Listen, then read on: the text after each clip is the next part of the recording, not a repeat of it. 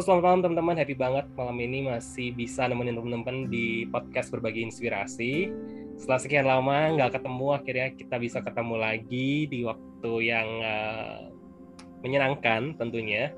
Dan harapannya bisa terus berikan inspirasi pada teman-teman sekalian untuk berbagi uh, apa pun yang uh, menarik untuk dibagikan. Nah, di malam hari ini saya nggak akan sendirian, aku bakal ditemenin oleh teman-temanku yang uh, super duper talented ya punya uh, banyak ide gitu usianya masih muda keren-keren gitu kan. Langsung aja deh kita dengerin kira-kira apa sih obrolan juga yang bakal kita obrolin di malam hari ini. Langsung aja uh, silakan Ibram. Oke baik. Selamat malam untuk teman-teman pendengar podcast berbagi inspirasi. Kenalin nama aku Ibam dari SMA Muhammadiyah 10 Surabaya Nah, saya di sini nggak sendirian karena aku ditemani oleh dua rekanku. Mukhlis dari SMA Negeri 8 Surabaya yang nanti akan bertindak sebagai moderator yang bagian nanya Kak Leo ya. Dan Lestari dari SMA Negeri 10 Surabaya yang menjadi pendampingnya Mukhlis pada malam hari ini. Oke, tema yang mau kita bahas ini tentang perkuliahan, Kak. Jadi soal-soal dunia perkuliahan, bagaimana persiapan untuk masuk di perkuliahan dan banyak lagi. Nah, pasti teman-teman penasaran kan tentang tema yang mau kita bahas hari ini? Baik, kalau penasaran silakan simak sampai habis podcastnya dan saya serahkan ke Muklis. Oke, okay, thanks Ibam udah membuka acara ini. Halo Kak Leo. Halo Muklis. Gimana kabar? Halo, apa kabar? baik, baik. Sama-sama kabar. Sama-sama baik. Kak, apa kompak kita? Gimana Chris di Surabaya hujan atau gimana suasana di sana? Ush, hujan Kak dingin kayak iya. rasanya anu gitu asik buat ngobrol-ngobrol gitu. Iya ya malam-malam gini seru-seru buat ngobrol ya sambil ngetai gitu ya. Iya sayangnya di sini nggak ada apa-apa. Apa-apa. Sayang banget. Oh iya kak lagi kuliah di jurusan apa nih kalau boleh tahu? Oh my god berharap lagi kuliah lagi. Tapi um, sebetulnya aku udah lulus sih dari tahun 2000 2015. Jadi aku masuk kuliah di tahun 2011. Empat tahun ya, gitu. Pas pas. Anggota lama ya. Wih. Udah lama. Jadi kalau dihitung Udah profesional berarti. amin, amin, amin. Jadi udah empat tahun kuliah dulu sih. Aku dulu kuliah di Surabaya BTW loh, Muklis. Di mana? Kalau boleh tahu? Kuliah di Universitas Erlangga. Hmm, jurusan? Jurusan uh, Ekonomi Pembangunan fakultasnya? Wih, ekonomi. Ya maksudnya fakultas ekonomi dan bisnis. Gitu. saya pusing kalau ekonomi itu. Aku juga bersyukur sih udah bisa lulus. Kenapa kak milih ekonomi gitu nggak milih lain? Ada pertimbangan apa gitu Nah, ini menariknya sih. Sebenarnya nggak ada pertimbangan apa-apa. Um, dulu kenapa milih UNER? Karena uh, mamaku bilang kayak, um, dulu aku pengen di UI, mama bilang kayak udah nggak usah jauh-jauh di UNER aja. So, oke, okay, pilihannya UNER. Soal jurusannya, itu um, waktu dulu aku pakai beasiswa bidik misi. Dan itu cuma bisa milih dua jurusan di satu kampus. Bikin kampusnya udah kepilih ya UNER ya. Terus kakakku bilang kayak, um, udah pilih aja jurusan yang paling kamu pengen. Aku pengen ambil ilmu komunikasi. Terus yang kedua aku bingung ngambil jurusan apa ya waktu itu. Terus aku, aku emang kakakku gitu. Kira-kira yang apa ya yang aku bisa masuk? Sedangkan aku kan dari SMK kan. Jadi kayak um, agak berbeda gitu. Untuk masuk kuliah itu butuh tes dengan kemampuan anak SMK waktu itu kira-kira aku bisa masuk jurusan apa gitu. Nah kakakku kebetulan tahu udahlah kemungkinan ambil aja uh, ekonomi pembangunan gitu ya udah ngambil ekonomi pembangunan jurusan kedua gitu dan aku pun nggak tahu dulu dulu itu ekonomi pembangunan ngapain gitu kan ya udah deh terus akhirnya SNPTN tulis udah keterima di ekonomi pembangunan gitu oh jadi coba-coba tahu Cuma Iya. saran ya, Iya gitu. bukan Waktu karena minat bakat ya. kaget. Mm, waktu masuk pun juga kaget ternyata susah banget. Tapi ya nggak bisa lulus gitu. Gitu sih salah satu jurusan tersusah di ekonomi. Ya, semua ada challenging-nya ya gitu. Tapi menurut beberapa teman itu waktu di seangkatan dan teman-teman jurusan lain itu jurusan paling susah di fakultas ekonomi. ya nggak apa-apa. Betul. Paling nggak bisa dapat pelajaran berharga lah dari sana. Iya menarik banget. Kalau menentukan hal besar nggak anu, nggak asal saran-saran. betul betul betul. Eh oke. Beasiswa bidik misi yang maksudnya itu gimana? SMPTN kah atau gimana? Atau dari tes atau gimana? Hmm, jadi gini, kalau dulu namanya tes tulis, jadi kan kalau dulu tuh masuk kampus negeri itu ada tiga kalau nggak salah, sekarang tiga ya. Waktu itu tahun tahunku ya, aku nggak tahu yang sekarang. Jalur undangan itu pakai rapot. Terus jalur dulu tuh namanya SNPTN tulis, itu tuh yang jalur tes tulis se Indonesia Raya itu, yang kalau pengumuman hasilnya namanya bakal ada di koran. Itu yang Hmm, ketiga tahu tuh tahu tahu. Nah, yang ketiga tuh jalur mandiri gitu kan, yang tes mandiri per kampus.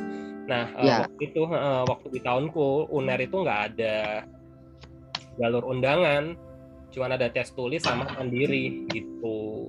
Jadi ya udah aku pakai tes tulis, tes tulis dulu SMPTN tulis dulu biayanya itu pendaftarannya 150.000 ribu. Aku nggak tahu sekarang berapa ya. Gitu. Jadi waktu itu daftar ya udah langsung tes. Aku dulu tesnya di IAIN Sunan Ampel dekatnya Warus itu ya. Besar tesnya dua hari deh.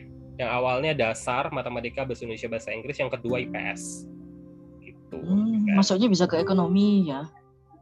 Ya, kan aku ikutnya yang ini. SNPTN itu kan eh, kalau ini kan ada pilihannya dulu tuh IPA, IPS sama IPK. kan.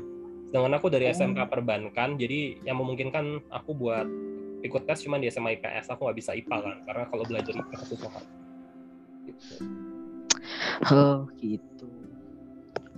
Tuh, itu sih jadi yang pengalaman kok gitu sih waktu SMPTN tulis. Ah iya, saya udah denger dengerin podcastnya kakak loh. Ada salah satu judul yang menarik. Katanya kakak pernah gagal beasiswa ya katanya. Ah iya, jadi kan em, menarik banget. Ini ini hal yang hal yang aku juga pernah share di podcast. Jadi em, aku lagi mau pengen S2 dan ngambil S2-nya itu di eh, di luar negeri kan gitu dan aku udah tiga tahun apply dan itu udah gagal tiga kali buat beasiswa ke UK gitu kan. Padahal udah keterima kampusnya. Jadi buat beasiswanya aja yang belum dapet gitu dan tahun ini aku lagi nyoba lagi gitu jadi em, doain semoga bisa dapat beasiswanya jadi tahun depan September kalau diizinkan bisa berangkat ke UK gitu Oh, kalau- fighting ya kak. amin amin Semoga sukses ya. amin amin Ntar Oh, iya. ini aku share foto-foto ya ke kalian ya Hmm. Oh iya, soal soal ngomong-ngomong luar negeri, ada loh teman saya ya, namanya Lestari. Dia katanya pengen loh kuliah ke luar negeri. Minta tips katanya. Gimana Lestari minta tips apa nih Silakan Lestari.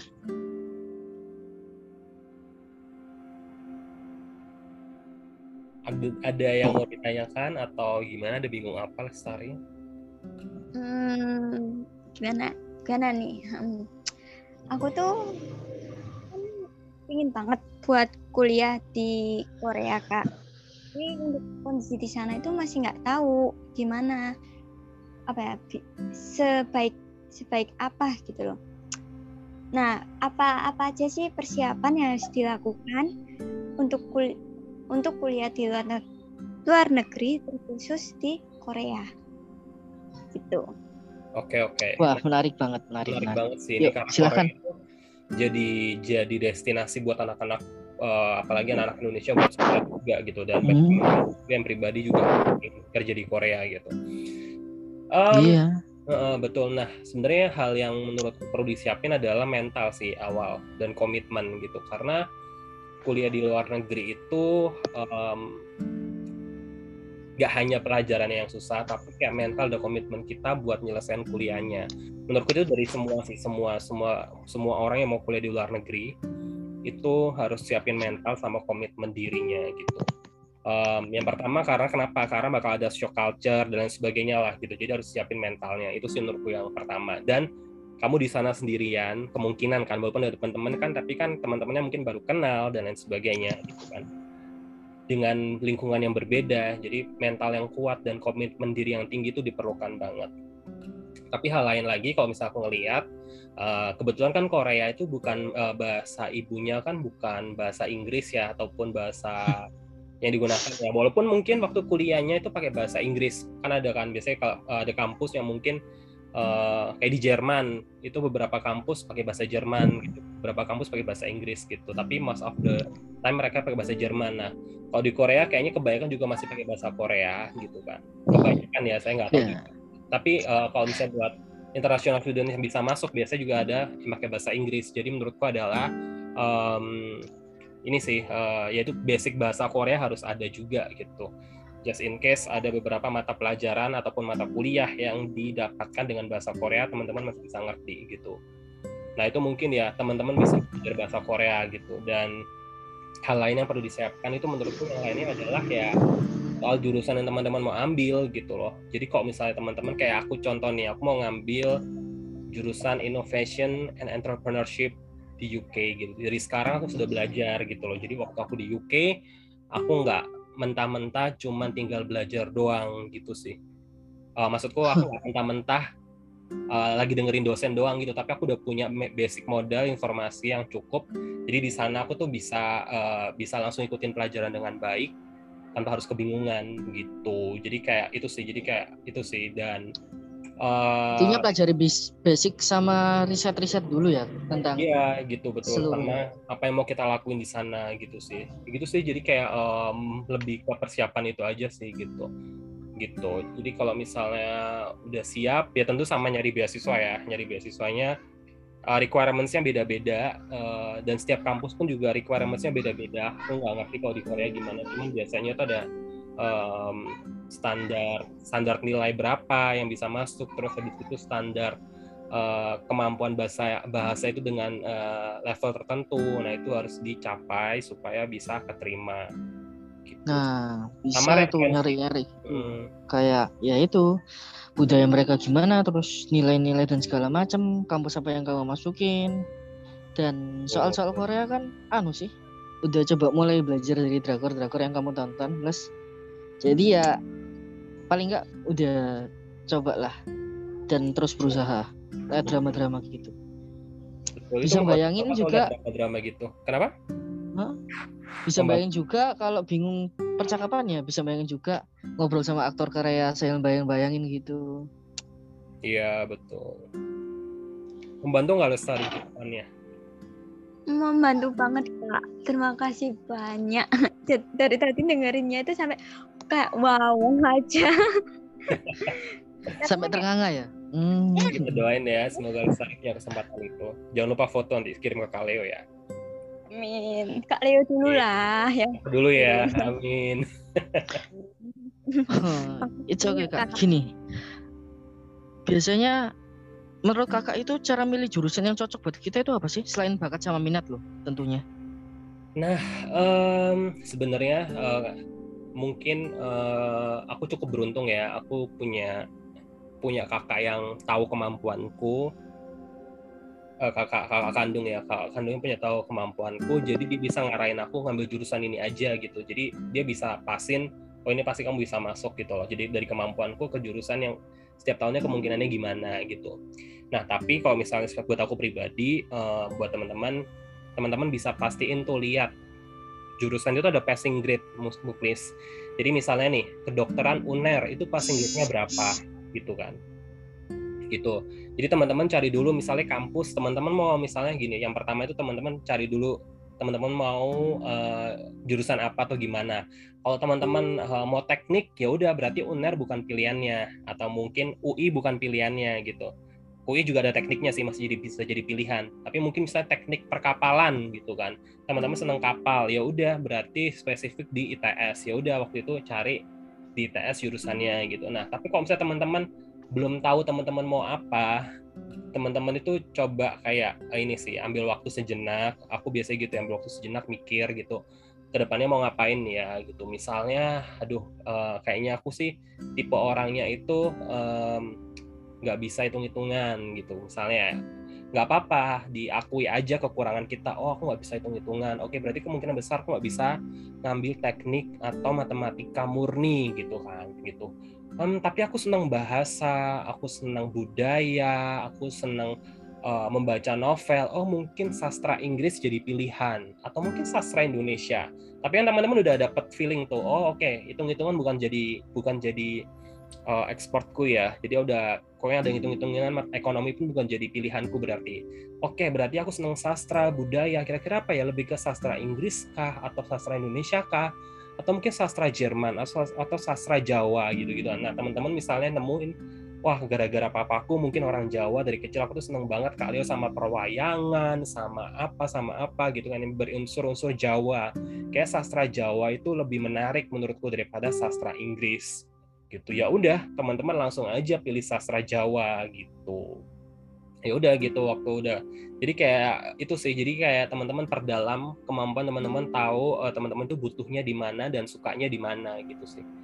Gitu sih jadi uh, apa namanya? Oh lebih berarti lebih anu ya dikenali dirinya sendiri apa bakatnya dan segala macam wah Betul. menarik sekali nih kak. Betul. beneran. Terakhir-terakhir nih kak. Uh, gimana sih kondisi dunia kampus dan ketika kita udah beradaptasi kan kadang agak stres tuh sama pelajaran-pelajaran. Gimana biasanya kakak biar jadi mood booster gitu pas stres sama tugas-tugas? Oke.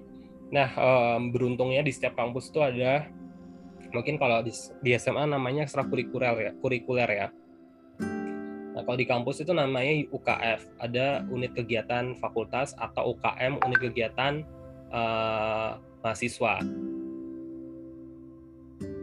Nah, di dua hal ini teman-teman bisa join buat hilangin bosan. Nah, aku dulu joinnya di UKF, unit kegiatan fakultas. Itu ada radio, radio gitu. Jadi aku siaran tiap hari setelah kelas. Jadi MC, bikin event sama teman-teman gitu-gitulah putar-putar lagu gitu, gitu sih. Jadi nggak bosen gitu sih. Terus uh, ya aktivitas lain ya kumpul sama teman-teman. Biasa aja sih kayak teman-teman lagi bosen sekolah ya udah nonton atau apa-apa gitu sih.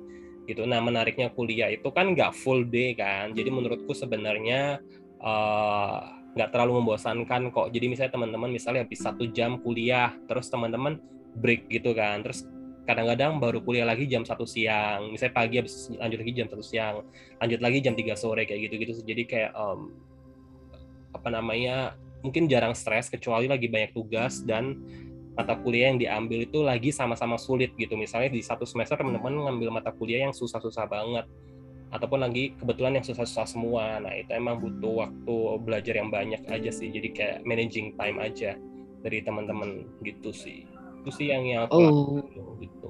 Untuk dunia kampus sendiri gimana kak? Biasanya kan SMA sama kuliah itu mesti beda sih. Misalnya di SMA bisa gini, kuliah nggak bisa. Itu hal yang harus kita persiapkan apa sih? Nah, kalau yang di kuliah itu teman-teman benar-benar diajarin buat kemandirian gitu. Di semester 1 mungkin teman-teman bakal dapat mata pelajaran yang sama semua nih. Misalnya kita kita masuk berempat nih di satu kuliah yang sama ya, misalnya ekonomi. Kita dapat mata pelajaran sama semua. Tapi di semester 2 kita udah bisa memilih mata kuliah sesuai dengan uh, kebutuhan kita gitu. Misalnya aku mau ngambil ekonomi uh, ekonomi sumber daya alam dulu uh, Muklis mau ngambilnya ekon, uh, ekonomi moneter dulu gitu-gitu kan. Nah itu sih itu beda-beda gitu. Jadi kita kemungkinan nggak akan di satu kelas lagi yang sama gitu. Jadi benar-benar mandiri gitu. Kamu nggak bisa lagi atau kita teman-teman nggak bisa lagi um, apa namanya uh, kayak SMA kan kayak sekelas bareng naik kelas 2 bareng gitu-gitu loh kayak gitu. Jadi benar-benar kayak uh, harus uh, harus adaptif juga kadang-kadang kita bisa satu kelas sama kakak kelas senior yang uh, udah lama belum lulus lulus atau mungkin kita bisa satu kelas sama adik kelas kita atau mungkin bisa satu kelas sama teman-teman yang biasa kita bukan satu kelas atau mungkin dari jurusan lain kayak gitu sih. Jadi itu sih nuansa nuansanya jadi harus terbiasa dengan hal-hal yang kayak gitu gitu kan. Terus sebenarnya lebih bedanya adalah kemandirian sih. Jadi kayak um, teman-teman ngerjain tugas juga sendiri gitu kan. Ada yang kelompok memang gitu kan tapi ada yang kebanyakan sendirian gitu gitu kan.